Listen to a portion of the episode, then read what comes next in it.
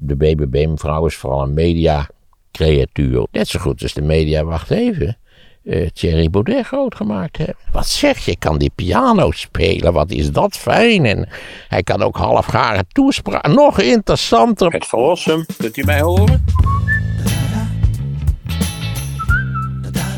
Het is uh, nog een maandje, denk ik, tot aan de verkiezingen in Duitsland. 26 september, als ja, ik me niet vergis. er is geen verstandig woord over te zeggen. Nee. Het wappert maar op en neer. Maar het is wel spannend, onduidelijk ja, spannend. het is ontzettend spannend. Ja, dat komt natuurlijk omdat er... Uh, kijk, vroeger had je in Duitsland natuurlijk uh, maar 2,5 partij. Namelijk, je had de CDU-CSU, je had de SPD en je had af en toe een soort van, van oplichtend lampje had je de FDP. Soms vielen ze eruit, hè, want je hebt in Duitsland natuurlijk een, een, hoe heet het, een, een kiesdrempel van 5%. Dus als je die niet haalt, dan kom je er niet in. Wat een relatief hoge kiesdrempel is natuurlijk. Moet je je eens voorstellen wat een dergelijke kiesdrempel in Nederland zou betekenen. Dat ongeveer driekwart van alle fracties in de Tweede Kamer zouden verdwijnen. Ik ben zelf geen groot voorstander van de kiesdrempel. Ondanks al die kleine flirtpartijtjes. Niet zo. Het, het, is in Nederland ook nog niet zo ver dat het land niet, niet geregeerd kan worden. Dat kan best. Kom op Rutte, doe er wat aan. Eh. Maar als je, dus geen, als je dus een kiesdrempel hebt, wat gebeurt er dan zeg maar met al die stemmen op die partij die ja, buiten die zijn, de uh, daar heb je niks aan in feite. Die mensen worden niet vertegenwoordigd? Nee, die worden niet vertegenwoordigd. Dus je moet wel weten wat je doet. Vandaar dat er een kiesdrempel is, zodat mensen niet denken: oh wat leuk, weer een nieuwe politicus. Wat zeg je, kan die piano spelen, wat is dat fijn. En hij kan ook halfgare toespraak. Nog interessanter, misschien moeten we eens even een paar grote stukken met foto's erbij in onze krant zetten. Nee, dus dat, daar moet je heel voorzichtig mee zijn in Duitsland. Het heeft overigens de opkomst van andere nieuwe partijen helemaal niet echt belemmerd. Denk aan de Groenen natuurlijk. Denk aan die Linken. Denk aan de AFD. Dus er zijn allerlei partijen nu in het spel. Maar het, het gek is de golfbeweging. Want eerst leken de Groenen het geweldig te gaan doen. Ja, met die mevrouw met dat boek. Hè, die... Ja, die mevrouw Baerbock. Ja.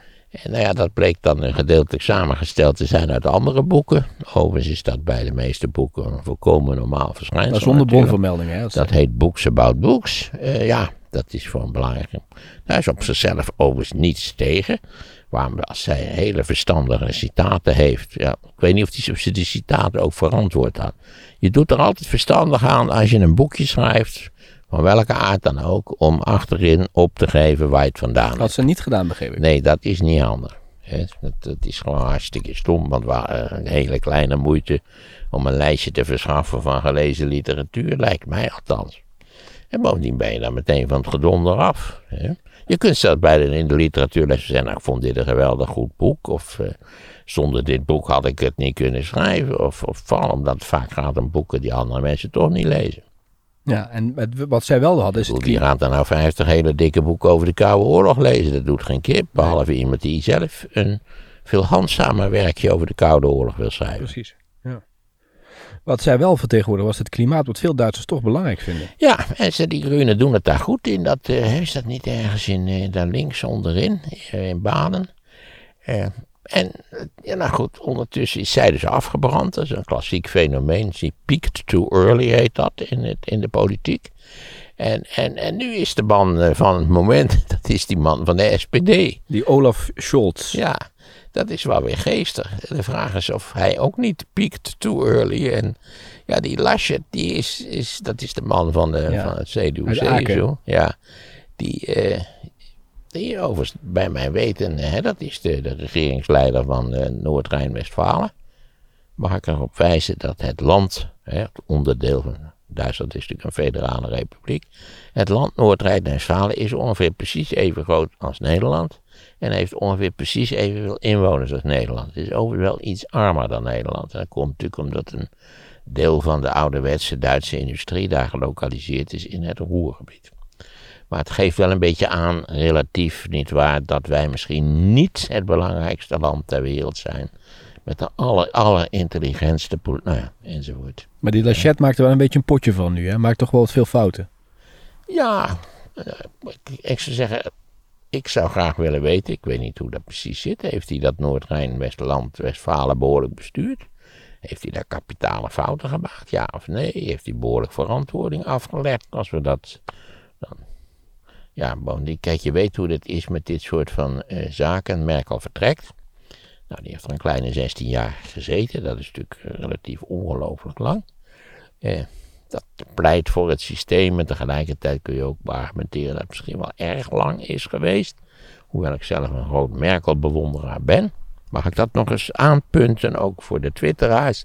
Ja, ik ben een groot bewonderaar van Merkel. We schaffen das en verdomd, ze had het geschafft. Dat u dat niet weet, daar kan ik ook verder niet zo verschrikkelijk veel aan doen. Um, ja, bewondering, waarom niet? Ja, iedereen zegt altijd dat ik alleen maar negatief ben. En, en dan weet ik wat voor dit is helemaal niet waar. Ik, ben, ik, ik, vind sowieso dat eigenlijk de Bondsrepubliek na, na de Tweede Wereldoorlog, niet waar, enorm geluk heeft gehad met zijn politieke leiders. Niet zijn niet allemaal geweldig geweest, maar een aantal heel, heel effectief geweest als politieke leider. Ja, en, en als er dan iemand nieuw komt, dan, dan zegt iedereen, nou, die kan het niet. Toen, toen, toen Merkel natuurlijk werd, werd ook gezegd, eh, nou, wat moet daar nou van terechtkomen van zo'n meisje? Hè? Want vooral dat Kool altijd van dat meisje prak. Eh, zo'n meisje, dat kan niks worden. Nee, je moet er natuurlijk inkomen. Je moet hier en daar een succesje boeken. Zo gaat het altijd. Als je een, een nieuw iemand hebt, of het nou een directeur is of wat dan ook maar. Zet iets, maar dit wordt niks. De oude die was echt veel beter. Dat, kan echt niks worden. Prima. Die Lachette is een beetje, een, die kwam vanuit, die was nooit echt op de radar. Die is, die is eigenlijk... Nee, en het is ook niet een charismatische figuur. Maar laten we nou eerlijk zijn, Merkel is er ook geen charismatische figuur. Kijk, als je lang aan de macht bent, dan word je langzaam besprenkeld met het charisma van de macht. Ja, we gaan straks moeten we het hebben over Adolf Hitler. Ja, was die, was, zou je die, als je hem op straat had gezien of een taartje had zien eten, zoals zo enorm aardig in een boek van Klaus Mann. Ja, het boek? Dat zijn die memoires van Klaus Mann. Daar komt een schitterende scène in voor dat ze zit op, hij, Klaus Mann zit op het terras in München en achter hem zit Adolf Hitler. En die zit een roze taartje te eten. En, en Klaus Mann die beschrijft dat en daar laat hij zien wat een afschuwelijke, onnozele kleinburger eigenlijk Hitler is. Eh, al taartjes etend op het terras in München. Dit is lang voordat hij eh, eh, de, de, dictator in, eh, in Duitsland was geworden. En dat, ja, het is een fraaie want dat was Hitler natuurlijk ook. Het was een bezetene aan de ene kant. En het was een kleinburgerlijke roze taartjes eten aan de andere kant. Hoe waren we opgekomen? Ja, dus we moeten het, eh, nogmaals, op dit moment eh, is er eigenlijk niets met zekerheid te zeggen over de afloop van de, van de Duitse verkiezingen. Het is wel leuk om te volgen, want dat geeft wel een beetje spanning aan de zaak. Ja. En uh, ruim 60 uh, miljoen Duitsers mogen stemmen. Wat, jij hebt er een tijdje gewoon, wat vinden zij belangrijk? Want er wordt gezegd continuïteit. Nou, dat vindt denk ik iedereen belangrijk. Maar dat is wel iets waar zij hun stem in ieder geval baseren. Ja, volgens mij vrijwel alle Duitse politieke campagnes die waren zo van uh, geen veranderingen, stabiliteit, geen veranderingen. We doen het lekker, laten we hierbij blijven. Dat was een beetje. Ik woonde toen in Mainz, ik heb een jaar in Mainz gewoond. En toen was Helmoet Kool, die was leider van Rijnland-Pals, andere onderdeel, een van de andere landen van, van Duitsland. En in het algemeen werd hij gezien als een dikke onnozelaar. Wat ik me ervan herinner, wat ik verkeerde natuurlijk in een instituut met, met allerlei knappe historici. Eh, en die vonden Helmoet Kool maar niks. Maar ik geloof dat hij het daar ook niet slecht gedaan heeft, eerlijk gezegd. Want uiteindelijk bleek hij natuurlijk een wel handiger eh, politicus te zijn dan wij misschien dat op dat moment dachten. Ja. Of het toen ook een verkiezingscampagne gelopen heeft, nou, dit is 70, 71, dat weet ik niet meer. Ik kan allerlei nuttige dingen over Duitsland vertellen, bijvoorbeeld over zebra's. oversteekplaatsen bedoel ik. Ja, niet de, de, de, de diersoort, die zag je weinig in Mainz. Maar zebra's, dat je tot je stomme verwondering. Als je in Nederland bij, bij een zebra gaat staan, dan blijft het Nederlandse verkeer, dat blijft doorjassen. Hè. Wee, als je een stap op straat zet, want dan gaan ze toeteren, bij wijze van spreken. Iedereen stopte. Als je, als je bij een zebra stond, iedereen stopte. Ze waren veel gedisciplineerdere verkeersgebruikers dan Nederlanders. Daar was ik wel van onder de indruk, ja. Is op de werkvloer ook zo, begreep ik, hè? Wat? Op de werkvloer is dat ook zo. Oh, nou, dat, dat, daar, daar heb ik natuurlijk relatief weinig eh, van gemerkt. Want ja, ik zat in een instituut en ja, had je daar een werkvloer? Nou, niet echt eigenlijk.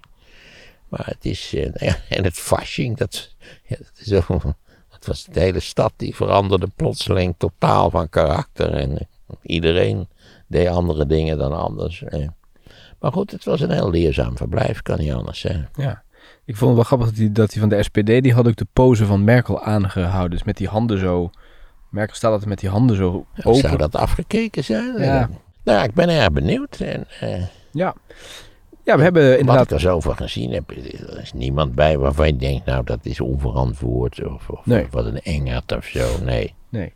Die alternatief voor Duitsland, dat is ook een beetje weggezakt nu. Hè? Dat is niet meer zo... Ja, dat is, dat is toch voornamelijk een DDR-verschijnsel.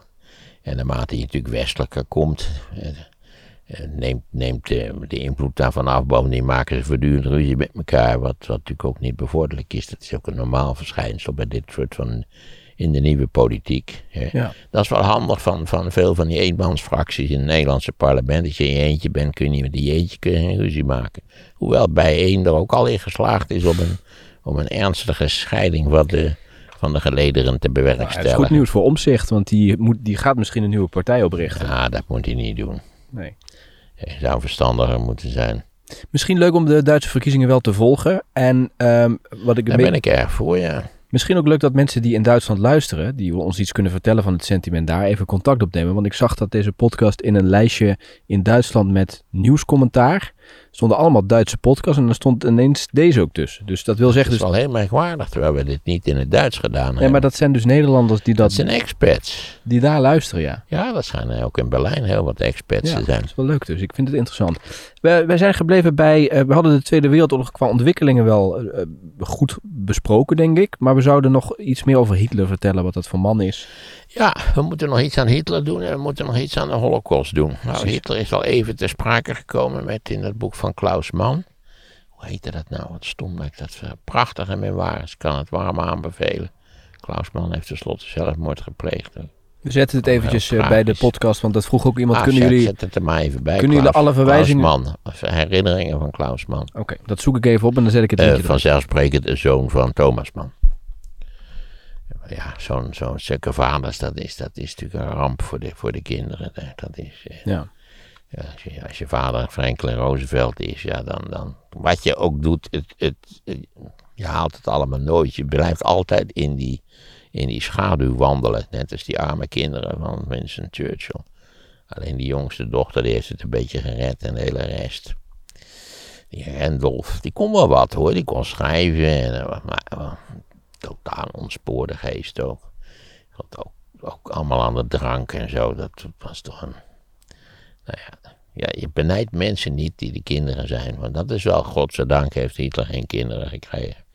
Er was gelukkig een Fransman die beweerde dat, dat, dat hij een kind van Hitler was, omdat zijn moeder in, in de Eerste Wereldoorlog in Frankrijk door de, door de soldaat Hitler eh, bevrucht zou zijn. Maar de DNA, dat is wel, wel handig dat we tegenwoordig die DNA-boel hebben. Hè. Nu zouden we ook kunnen vaststellen of die Anastasia, die beweerde dat ze de enige dochter was van de tsaar die het had overleefd, of die echt. Ik denk het niet, maar nu, nu kun je het ook vaststellen. Ik zwijg nog even van al de cold cases die ermee opgelost kunnen worden. Het is wel een hele mooie vondst, toch al met al.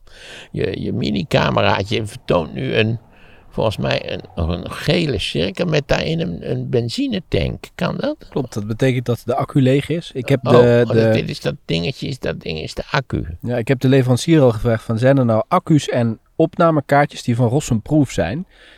Nee, daar dat ging- heb je niet. Daar gingen ze naar kijken. Dus dat je hem, daar zijn wel wat trucjes, maar dan moet je allemaal accu'tjes eraan hangen, zodat hij langer meegaat. En kijkt iemand ooit naar dat beeld? of Ja, niet? enkele duizenden mensen kijken daar toch naar. Enkele duizend, ja, dat is natuurlijk. Het is niet zoveel als bij de slimste, maar eh, er wordt wel naar gekeken. Nou ja, vooral de finale werd goed bekeken, hè? Ja. Bijna, bijna 2 miljoen kijkers. Dat is voor de zomer is dat echt tip-top. Ja, ook een leuk meisje die gewonnen heeft. Nou, het was een wel. geweldige finale, want die twee andere lui waren natuurlijk ook hartstikke leuk. en Precies, goed. Bram ook erg leuk. Ja, zeker. Ik was ook, eh, ja, die- je weet, de twitteraars waren geen liefhebbers van Bram. Nee, maar ja. Eh, wel van Joost, geloof ik. Ik vond het, eh, je had, we hadden nauwelijks een betere finale kunnen hebben dan die we hadden. En bovendien knalde zij werkelijk Bram ondersteboven, daar kwam Ja, het eigenlijk op neer. Hij zei al, toen hij er nog tijd over had, ze heeft het al gewonnen. Zij kondigde, zij kondigde, ik had het toevallig even opstaan inderdaad. Dat zij, hij, hij, zij zei al van, je hebt gewonnen, gefeliciteerd. Ja. Ja, je weet dat verstandige mensen altijd alleen toevallig naar de tv kijken, hè? Ik zat toevallig te kijken. Wat, wat deed jij nou in dat... en Tegen mij dan, wat deed je nou? Ik zat helemaal toevallig naar de tv te kijken. Zag ik je ineens zitten daar en daar. Ik denk altijd, ja, toevallig. Hoe toevallig kun je naar de tv ik kijken? kijk altijd Nieuwsuur en dat komt daarna.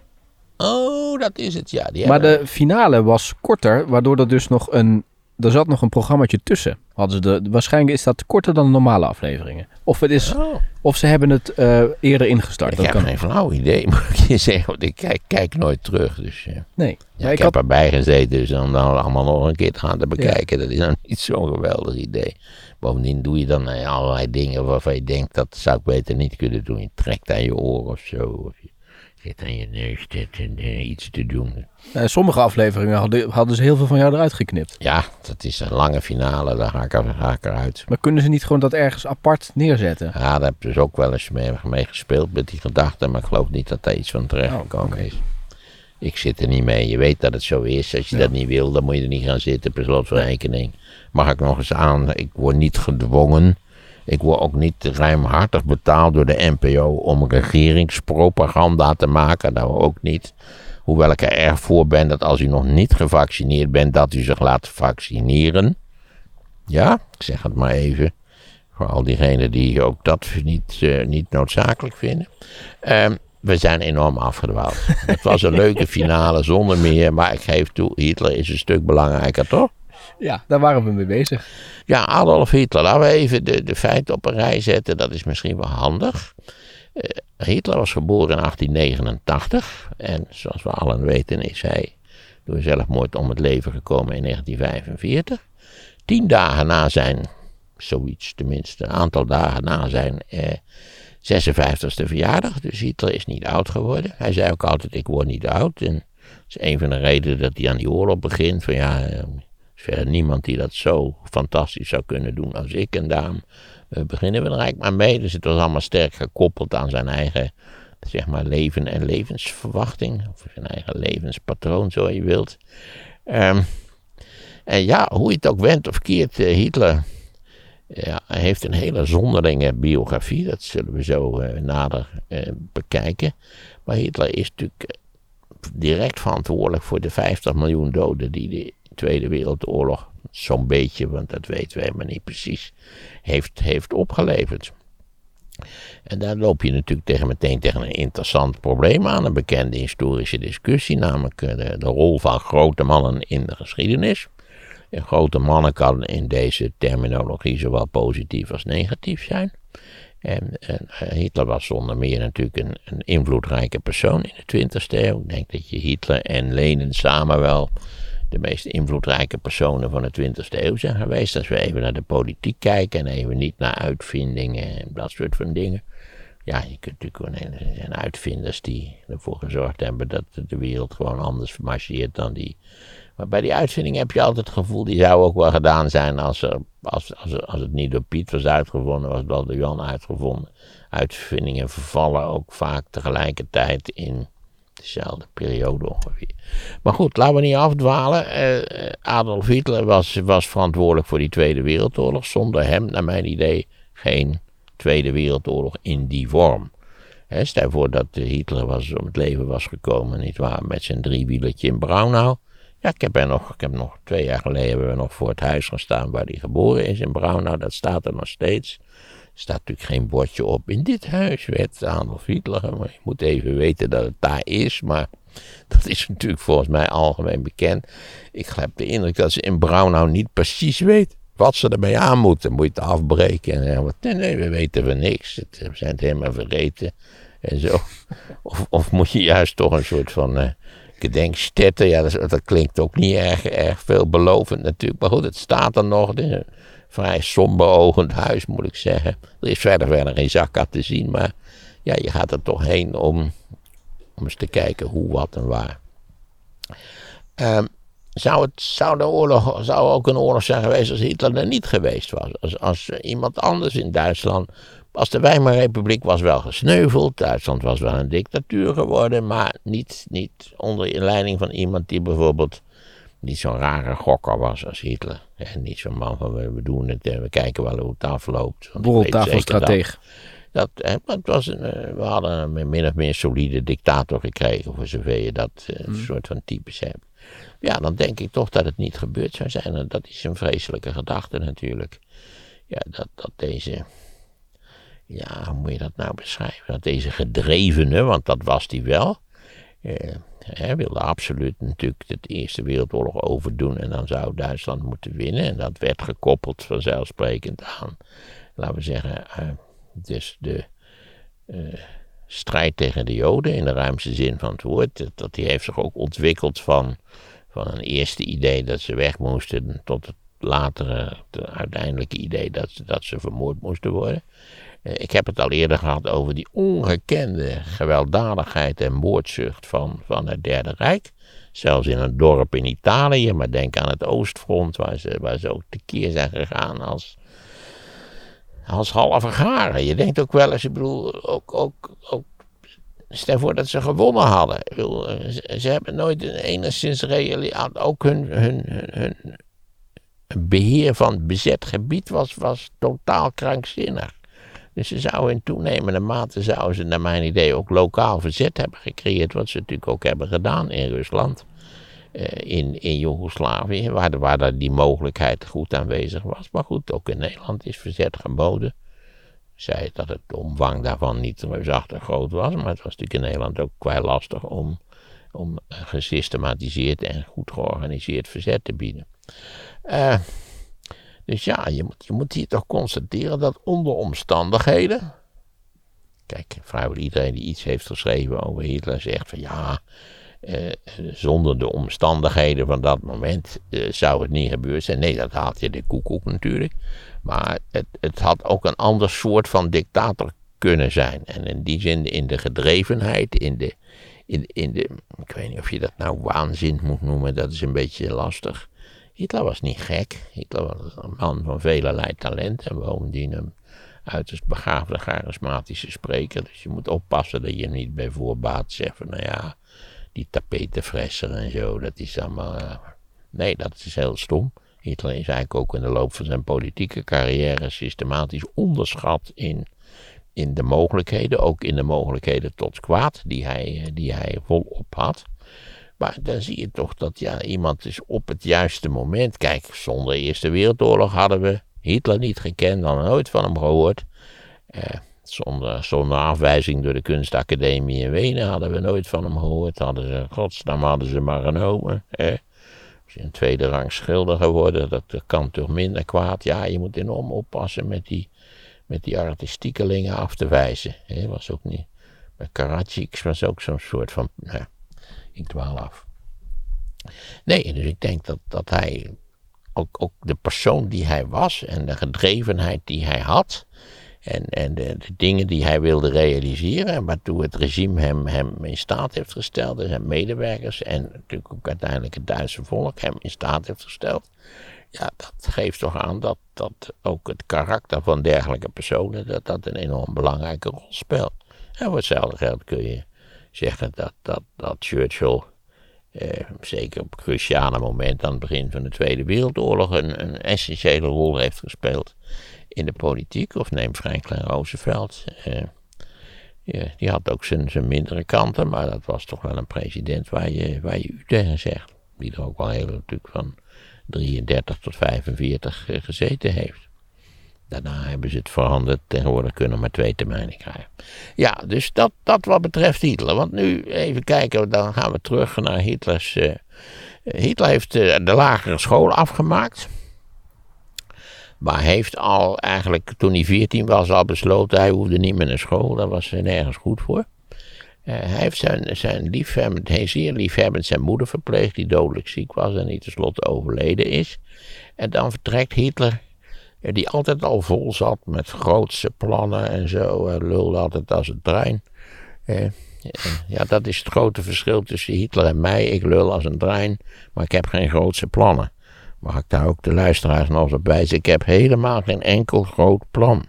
Ik heb ook geen bucketlist. Ik hoef nog niet meer de Himalaya te beklimmen. Echt niet, daar heb ik helemaal geen zin in. Ik vind het al lang goed als ik hier gewoon in dit nu bemotregende straatje in Utrecht in Nederland, provincieplaats in Nederland, een land wat er ook niet zo verschrikkelijk veel toe doet, eh, een rustig bestaan kan leiden. Maar goed, eh, Hitler had grootse plannen en vertrekt naar Wenen. Toen hij, ik denk, 19 jaar oud was, vertrok hij naar Wenen. Want daar zou hij zich gaan ontwikkelen tot een grote kunstenaar. Ja, je begrijpt, hij, hij meldt zich bij de kunstacademie in Wenen en die zegt, ja, het spijt ons ontzettend, maar u heeft geen enkel talent.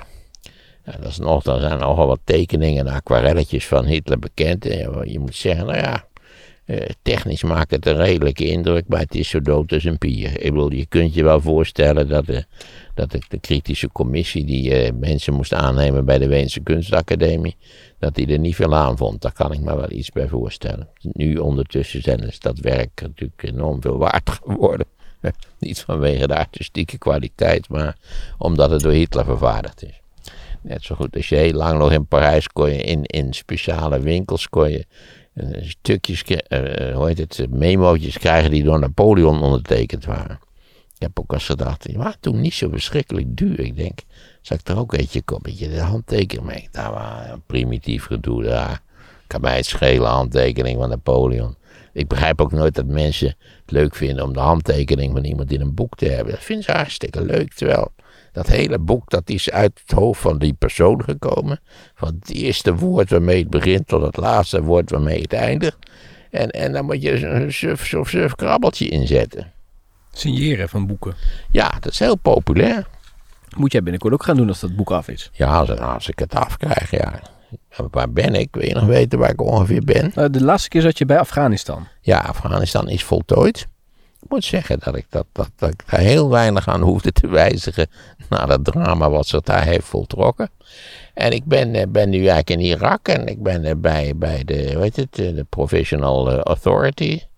De Coalition Provisional Authority. En, en eigenlijk zijn net de drie ik heb al de drie grote besluiten behandeld die ertoe geleid hebben dat het een onmogelijke opgave was. Dat is eigenlijk vanaf het allereerste moment.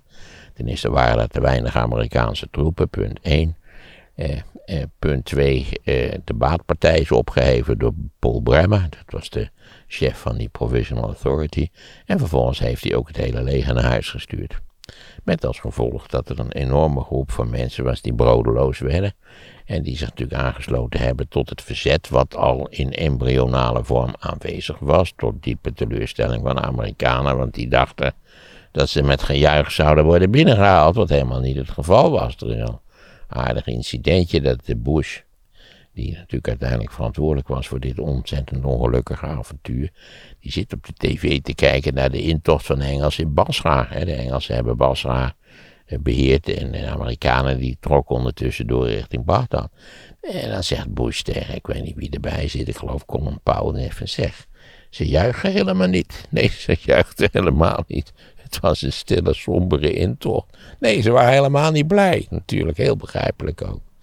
Ja, nou zover ben ik nu. Dus ik ben nu in uh, met de... 2003 is dat denk ik? Uh, even kijken, nee, 2003, 2000, ik ben zo'n beetje in 2005. Op de helft? Uh, ja, ja, want ze zijn natuurlijk... Krijgt de kredietcrisis nog? zijn in 2011 vertrokken uit Irak. Wel, wel op tijd vertrokken. Ook trouwens omdat de Irakezen zelf zeiden, donder nou eens op. Hè? We zijn, jullie zijn helemaal niet welkom eigenlijk. Terecht niet. En dat ging wel beter dan nu? Het, het, is, het is, als je het leest, het, nog, nog tintelen je handen ervan van de, van de ellende. Dat dit, dit, dit volstrekt geschifte, totaal overbodige avontuur, want anders kun je het niet noemen, deze, deze, deze biceps uh, vertoonderij die, die, die honderdduizenden doden heeft veroorzaakt. Die, die natuurlijk ook, ja de Amerikanen hebben dan ruim 4000 man verloren daar. Maar het, het, is, het is zo vreselijk, zo overbodig. Zo gestuurd door een, door een gruwelijk soort van onkunde en arrogantie. Vooral bij die Rumsfeld en die Cheney. Die president, die jonge Bush. Best een aardige man, maar man completely out of his league. Hij, hij, hij doet voortdurend. Nou ja, het is Kortom, ik zou zeggen, lees het als het klaar is. Eh, ik hoop dat het stuk niet te lang wordt, want je bent elke keer weer verbijsterd over de stomzinnigheid ervan. Ja, het is eigenlijk een beetje harskamp, maar dan op een iets hoger niveau. Uh, goed, is misschien geen gelukkige vergelijking. Waar waren we? Adolf Hitler. Hij wordt afgewezen door de kunstacademie. Hij is ten einde raad. Wat nu? Hij is het nog een keer geprobeerd. De tweede keer is hij weer afgewezen. Ja, wat doet hij in Wenen? Nou, niks eigenlijk. Hij staat heel erg laat op. En oreert de ganse nacht tegen wie het maar horen wil over de geweldige plannen die hij heeft. En de ideeën die hij heeft. Wat doet hij dat dan? in de kroeg? Over, ja, denk het. In de open. Hij was geen drinker. Hè. Hij voor mij weten was Hitler geheel onthouden. Uh, maar hij oreert, uh, je ziet het ook aan mij, ik oreer ook zonder dat ik eerst thuis een flinke borrel heb gedronken. En vooral mannen die oreren natuurlijk nadat ze een flinke borrel hebben gedronken, dat is ook meestal niet veel zaaks natuurlijk. Dat is niet het hele idee dat je door alcohol beter kunt presteren, is een ingrijpende misvatting. Ook ten aanzien van schrijven volgens mij. Ja, ik ken wel mensen die eerst een slokje moeten nemen om de ergste schrijfkramp te overwinnen. Maar je moet gewoon gaan zitten en je moet schrijven. Of het nou goed gaat of niet goed gaat. De lezers merken het later. Ik heb het wel eens gevraagd. Voor je nou dat stukje. Hoe, las dat nou weg? Nou, dat is heel normaal. Ik heb niks gemerkt. Wel heb je dan zelf. Heb je er drie dagen over zitten worstelen omdat het er niet uit zou komen. Goed, dat, nee, hij doet geen donder. Hij voert echt geen zak uit. Hij, hij, hij is een soort zwerver. Hij verkoopt nog wel eens een van die aquarelletjes. En, en op een moment krijgt hij een erfenis, zodat hij niet helemaal aan de bedelstaf is. Maar ja, hij zwerft van, van, van mannenpension naar mannenpension. En, en ja, het is een volkomen zinloos, richtingsloos leven. En dat is een van de gekste dingen natuurlijk van Adolf Hitler. Dat dit is een man die alleen lagere school had die in feite niets van enig belang had gepresteerd, behalve het maken van allerlei hele lullige aquarelletjes, anders kun je het niet beschrijven. Ik zou het niet kunnen, maar, maar kijk er maar eens even naar. Laten de kijkers ook even, sorry, sorry voor de twitters, uh, twitteraars. U kunt even op de Wikipedia kijken, er staan een hele zwik van die aquarelletjes van hier. Kijk, de twitteraars hoeven dat niet te doen. Die weten al precies hoe dat eruit ziet. Dat hebben ze zelf namelijk bestudeerd. Ze zijn naar Duitsland geweest om te kijken hoe het spreekt voor zich. Dat zijn mensen die geen encyclopedieën nodig hebben. Dat zijn, mensen met een zo diepe, diepe kennis. Goed, ja, hij doet niks. Hij, en en zijn, zijn leven valt ook uiteen in een totaal zinloze fase waarin hij tot niets komt. Behalve een oude hoer in de loop van de nacht en de opera bezoeken. Hij was een groot opera bezoeker. Uh, en over kunst praten, want daar had hij ook alle mogelijke ideeën over natuurlijk. Vooral omdat hij zelf kennelijk niet meetelde. Ja, het was natuurlijk de tijd van de opkomst van uh, de abstractie, van een ingrijpende, versnellende beweging in de kunstgeschiedenis. En ja, daar moest hij niks van hebben in principe. Uh, ja, dat verandert allemaal eigenlijk met de Eerste Wereldoorlog. Maar nog voordat die eh, laten we zeggen, die Eerste Wereldoorlog in het spel komt, vertrekt Hitler op naar München. In 1913 vertrekt hij naar München. En bij Sebastian Hafner, die een ontzettend leuk eh, boekje heeft geschreven over Adolf Hitler, aanmerkingen zu Hitler, kan het iedereen warm aanbevelen, maar leest u er nog iets anders bij, wat, wat, waardoor u een, een wat, wat dat hoeft natuurlijk niet voor de, voor de twitteraars is dit niet nodig. Die weten dat allemaal al lang. En die kunnen ook nu vast al beginnen te twitteren dat ik er geen bal van af weet. Dat, ze, dat het onbegrijpelijk is dat ik hier in de gelegenheid word gesteld bij een publiek medium iets over Adolf Hitler te zeggen. nou ja, ja, ik moet deze vergrap natuurlijk ook niet eindeloos voortzetten, dat begrijp ik ook wel. Maar het is soms wel verrekte irritant. Hè? Al die meningen die op niets gebaseerd zijn. Um, ja, dus Hafner zegt hij is naar München vertrokken. Dat is zijn eerste politieke besluit. Hij moest niks hebben van dat Oostenrijk. Hij, uh, hij, wilde, hij koos voor Duitsland. Hoe kwam dat? Nou, dat ook die, die interpretatie die is, ook, die is ook wraakwürdig, om het maar even zo te zeggen. Want ik denk dat, uh, uh, hoe heet het, onze, onze Engelsman, kijk nu kan ik er eventjes niet opkomen, Kershaw. Die zegt nou nee, dat is niet zo. Hij is naar Duitsland vertrokken omdat hij bang was dat hij als dienstplichtige zou worden opgeroepen in Oostenrijk. En daar had hij op dat moment in ieder geval geen zin in. Hij is ook tenslotte is hij aangehouden door de Duitse politie.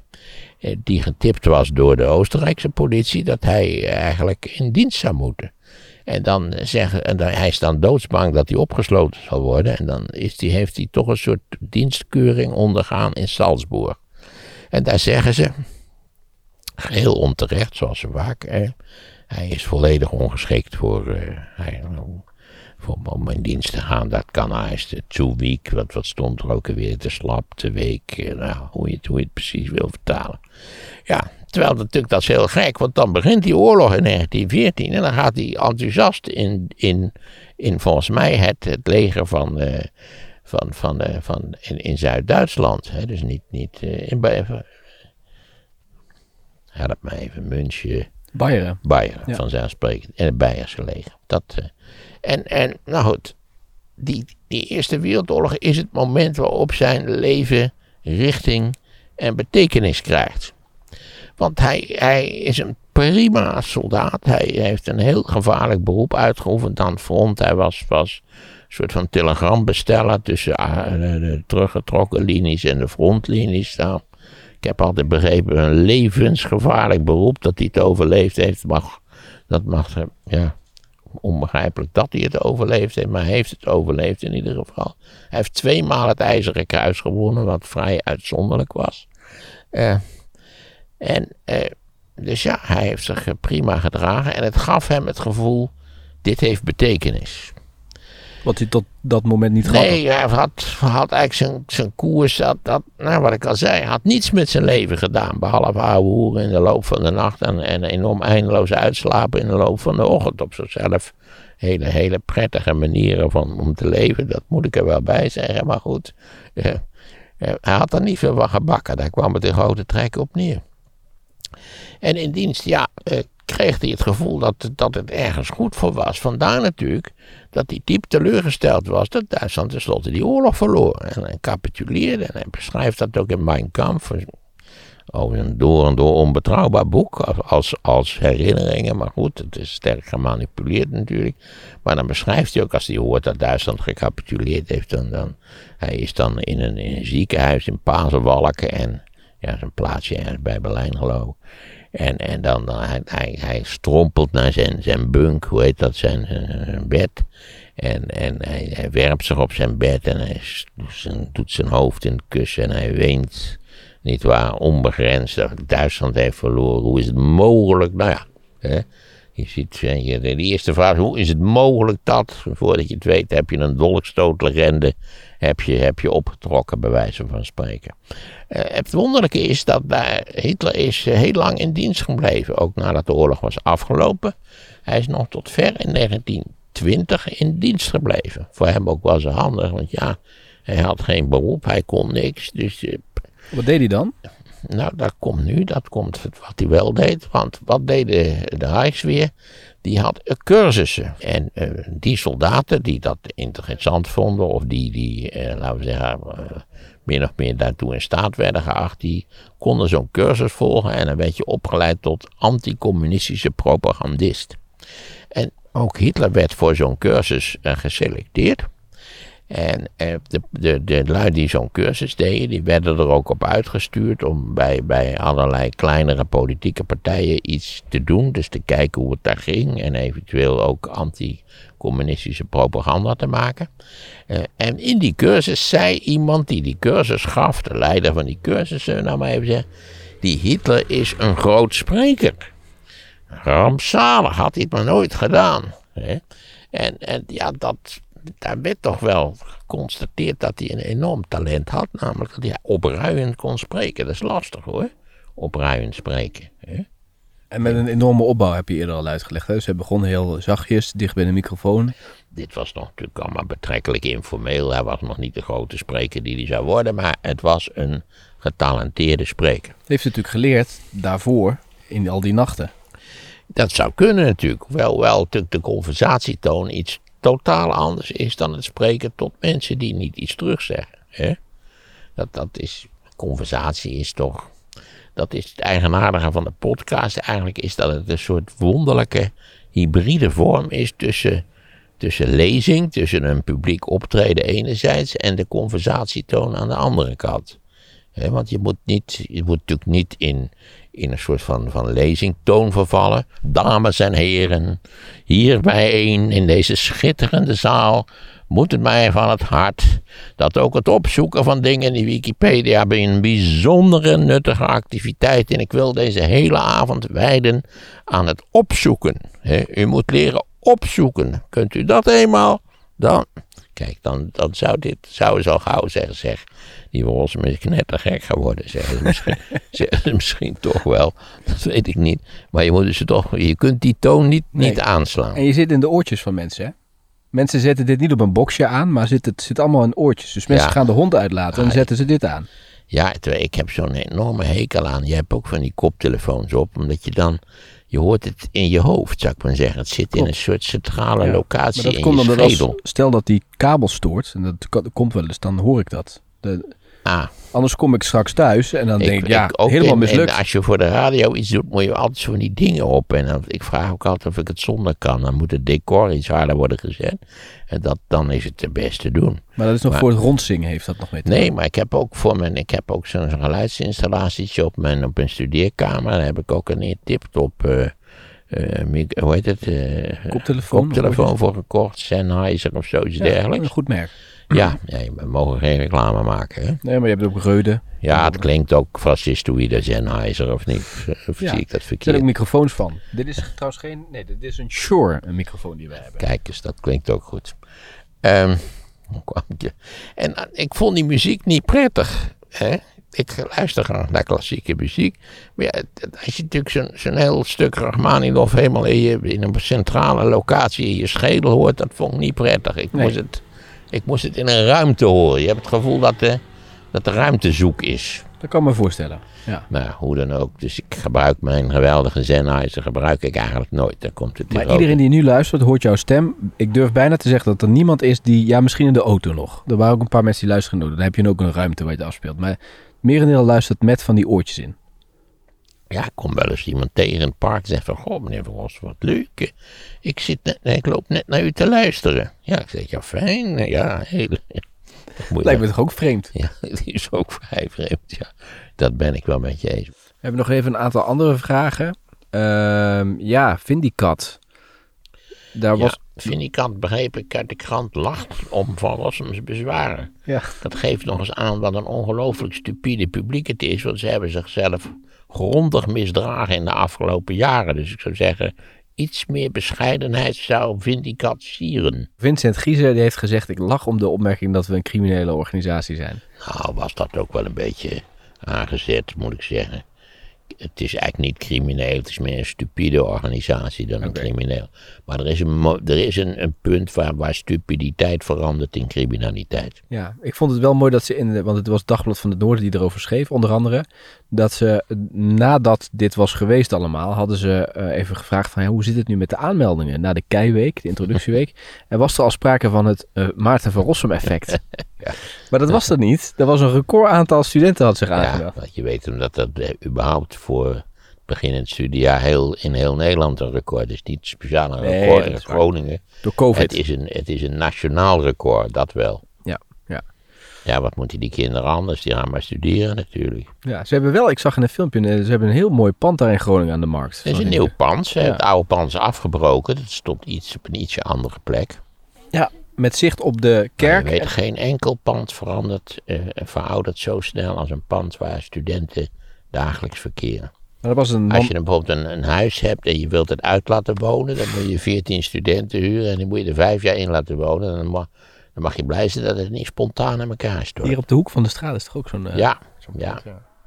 Ja, en even kijken, wat had hij? Ja, eh, ehm, de, viel mij op, veel eh, bekende oudleden. Harm Edens, wist ik niet. Vindicat lid. ja, ik had het ook niet achtergezocht. Veel bestuurders. Ehm, ehm, nou, ik, heb ze, ik had ze... Oh, Job Cohen heeft daar, is daar lid geweest. Ja, nou, die zal zich zeker niet misdragen hebben. Dat.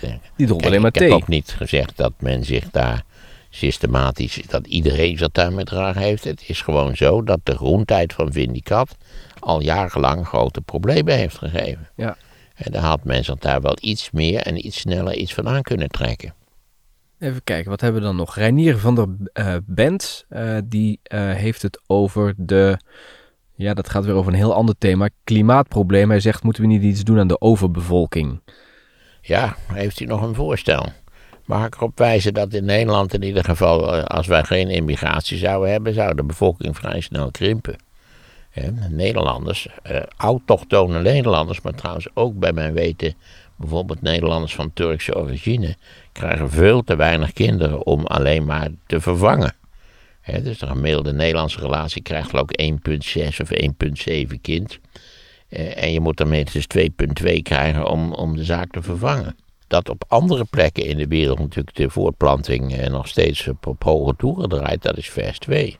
Maar in, in West-Europa, als dat er geen enkele migrant zou binnenkomen, dan zou de bevolking van West-Europa. Eh, even, ja, ik moet even rekening houden met het feit dat Engeland vertrokken is, maar dat is niet verbeterd. Die zou over deze eeuw met 100 miljoen mensen verminderen. Ja. Dus dat is vrij significant. Dan hebben we Arjen, die reageert op Annemiek van Vleuten. Ehm, Ach, hoezo? nou, jij beweerde eerder dat bij het mannenwielrennen iemand in de leeftijd van, eh, van Vleuten geen serieuze inbreng meer heeft. Ja, Arjen die zegt dat klopt niet. Een mooi voorbeeld is Alejandro Valverde, die op zijn 38ste wereldkampioen werd in 2018. Hij is nu 41 en deed dit jaar nog mee aan de Tour en de Vuelta. ja, maar de kans dat Van Verder de Tour zou winnen was nul. Heeft Geef ik maar even aan. Ja, oké, dan hebben we dat ook behandeld. Dan, ja. Als je zo'n relatief mild virus een vaccin, een, een vaccin nodig hebt, dan ben je gewoon een mietje. Vaccins zijn voor serieuze ziektes en niet voor een griep. Dat zei ook iemand. Ja, dat is altijd wel een of andere stupide reactie natuurlijk. Ik kan die man alleen maar, misschien, ik weet niet waar hij woont natuurlijk, maar misschien belt u het lokale ziekenhuis. Er liggen nog steeds mensen op de IC met, eh, met COVID. Misschien kan hij daar een rondleiding krijgen. Een griepje. En neemt die Baudet ook meteen mee. Nou, dat zou erg handig zijn. En die hele club die, had dan maar, die het maar een griepje vindt, dat zou wel aardig zijn. Misschien kan, De oversterfte, beste meneer, in, dit, in Nederland was vorig jaar 17.000 personen. ja, Nanne Baljor kan er misschien ook mee. Die zei namelijk eh, als reactie op van dat jij vindt dat mensen zich moeten laten vaccineren. Hé, jammer dit. Ik vind u echt een toffe peer. Maar ik hoop dat dit soort uitspraken in een wat vreemde opwelling tot stand zijn gekomen. Het is u vergeven. Mag ik dan nogmaals zeggen, het zou bijzonder verstandig zijn als u zich zou laten vaccineren. Misschien wordt u zelfs dan zelf een toffe peer, wie zal het zeggen? Goed gevaccineerde, toffe peer. U moet zich laten vaccineren, de Delta-variant is geen kattenpis. Hè? Ja, en dan was er ook nog iemand die wilde weten of Prins Bernhard jou gevraagd heeft om gratis en voor niks tijdens de opening van de Formule 1 iets te komen vertellen. Ja, dat zou ik ook niet hebben gedaan, moet ik zeggen. Nee. Ik vind het ook, ja, ik weet niet, ergens iemand zei, prins, die prins Bernhard, ja, want ik denk natuurlijk altijd aan de oude, maar dit is vanzelfsprekend de jongen, heeft geen gevoel voor sociale verhoudingen. Dat is wel het minste wat je ervan. Ik vind, het is een zeldzaam onhandige man. Ja, die ook hele straten in zijn bezit heeft. Hè? Ja, je maakt je natuurlijk ook niet geliefd in Nederland als huisjesmelker, hè, als, als speculant in, in onroerend goed. Dat blijft natuurlijk een beetje een duistere industrie. Hey, zal ik, eh, eh, ik zal VDL en Lightyears berichten en eens even kijken hoe we dat kunnen afspreken. Ja, dat, eh, dat is comfortabel en dan kunnen we daar misschien een kopje koffie drinken of zo. Maar ik ben vooral geïnteresseerd in het productieproces. Ja, dus ik dat willen we wel zien. Ja, we komen niet om appeltaart te eten. Nee, ik heb ook gezegd van we gaan niet met een script werken, want daar werken we sowieso niet mee. Dus, eh, en het wordt ook geen reclamespot. Zij mogen best een script maken, maar daar gaan we ons niet aan houden natuurlijk. Dat heb ik tegen ze gezegd. Je moet niet verwachten dat wij bepaalde dingen gaan zeggen. Ja, dit is toch een beetje, meneer Volsen, wilt u uw presentatie zo spoedig mogelijk opsturen? Ja. Dan moet ik ze altijd een teleurstellend bericht sturen dat ik geen presentatie heb. En dat we maar moeten hopen dat op het moment dat ik er sta, dat er eentje uitkomt. Precies. En eh, na 12 uur 's middags hè, pas afspreken. Ja, ja, ja, twee, zeg maar rustig na één uur 's middags. Ja, we moeten ook nog daar naartoe rijden. Dus, dat is eh, waar, ja. Dus twee, Born is dat, hè? Ja, dat is wel heel veel. Laten we eerst Lightyear misschien doen. Dat is Eindhoven, toch? Ja, Helmond. Dus eh, Oh ja, dat is een uurtje en een tien minuten of zo. Born zal toch wel eh, anderhalf uur zijn, schat ik. ja, dus we- laten we met de e- eentje even beginnen. En dan kijken we daarna hoe het gaat. Sowieso VDL zei eerst moeten de coronarestricties eh opgegeven zijn. En dat is volgens mij nog niet het geval. Ja, en aangezien natuurlijk die Lightyear auto's, die gingen 150.000 euro. Dus we- Reclame maken is hier geen probleem. Nee, er is gaat- toch niemand die die dingen kan betalen. Het was wel grappig dat ze dus eerst die auto's wilden gaan laten bouwen bij VDL, Lightyear. Maar dat hebben ze niet gedaan. Ze gaan nu naar Zweden volgens mij toe. Of naar Scandinavische landen. Dus eh, Ja, Finland. Heel Ja, veel, Porsche, Finland. ja, heel veel Porsches werden in Finland gebouwd. klopt. Ja. Dus kennelijk is daar, zijn daar vrij omvangrijke productiefaciliteiten. Volgens Ja. mij die Porsche Cayenne werd in Finland gebouwd. ja. Of dat nu nog gebeurt, weet ik niet. Porsche, die, die eh, werkte heel veel met, met, laten we zeggen, productieproducenten van buiten. Exact. Dan hebben we dus volgende keer nog de Holocaust. eh, die twee, de, daarna is met auto's als dat lukt. En dan hebben we China. En daar was ook nog iemand die zei: Kunnen jullie in navolging wat jij zei over de eh, industrie in Nederland misschien daar eens iets uitlichten? Dat we dat wat meer. Nou ja, dat, dat moet je eigenlijk doen aan de hand van, van, van, van een productiebedrijf waar je kunt laten zien hoe dat gaat. Ik heb, ik heb, ooit daar in, in, zo'n zo'n superbrouwerij van Heineken en ja, het is een heel eigenaardig gerinkel van al die miljoenen flesjes. Dat gaat in een tempo, dat hou je niet voor mogelijk. Je, houdt die, je, je, moet, je moet een beetje in draf om, om het ze bij te houden, die flesjes. En eh, ja, in die, terwijl er dus miljoenen van die flesjes gevuld worden, is er nauwelijks iemand te zien. Ze moeten wel, er zijn wel geloof aan- er zijn aan een punt waar ze even kijken of er geen rare dingen in de flesjes zitten. Heining heeft ook een speciaal museum van flesjes met rare dingen erin. Dus er zit van alles in, dode muizen en, en eh, ben nou vergeet, dode vogeltjes. Van, je denkt, hoe komen, hoe komen ze in die, in die flesjes? Maar goed, een hele wonderlijke collectie in ieder geval. Nou, voor je het weet worden we zo meteen overal uitgenodigd. Moeten we overal naartoe gaan rijden? Nee, dat gaan we ook niet doen. Moet niet te gek worden.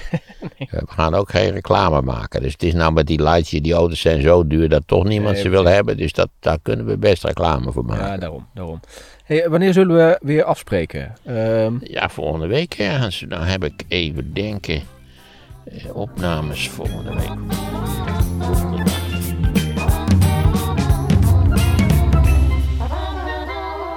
Misschien wordt u zelfs dan zelf een toffe peer. Wie zal het zeggen? Goed gevaccineerde, toffe peer. U moet zich laten vaccineren. De Delta-variant is geen kattenpis. Hè?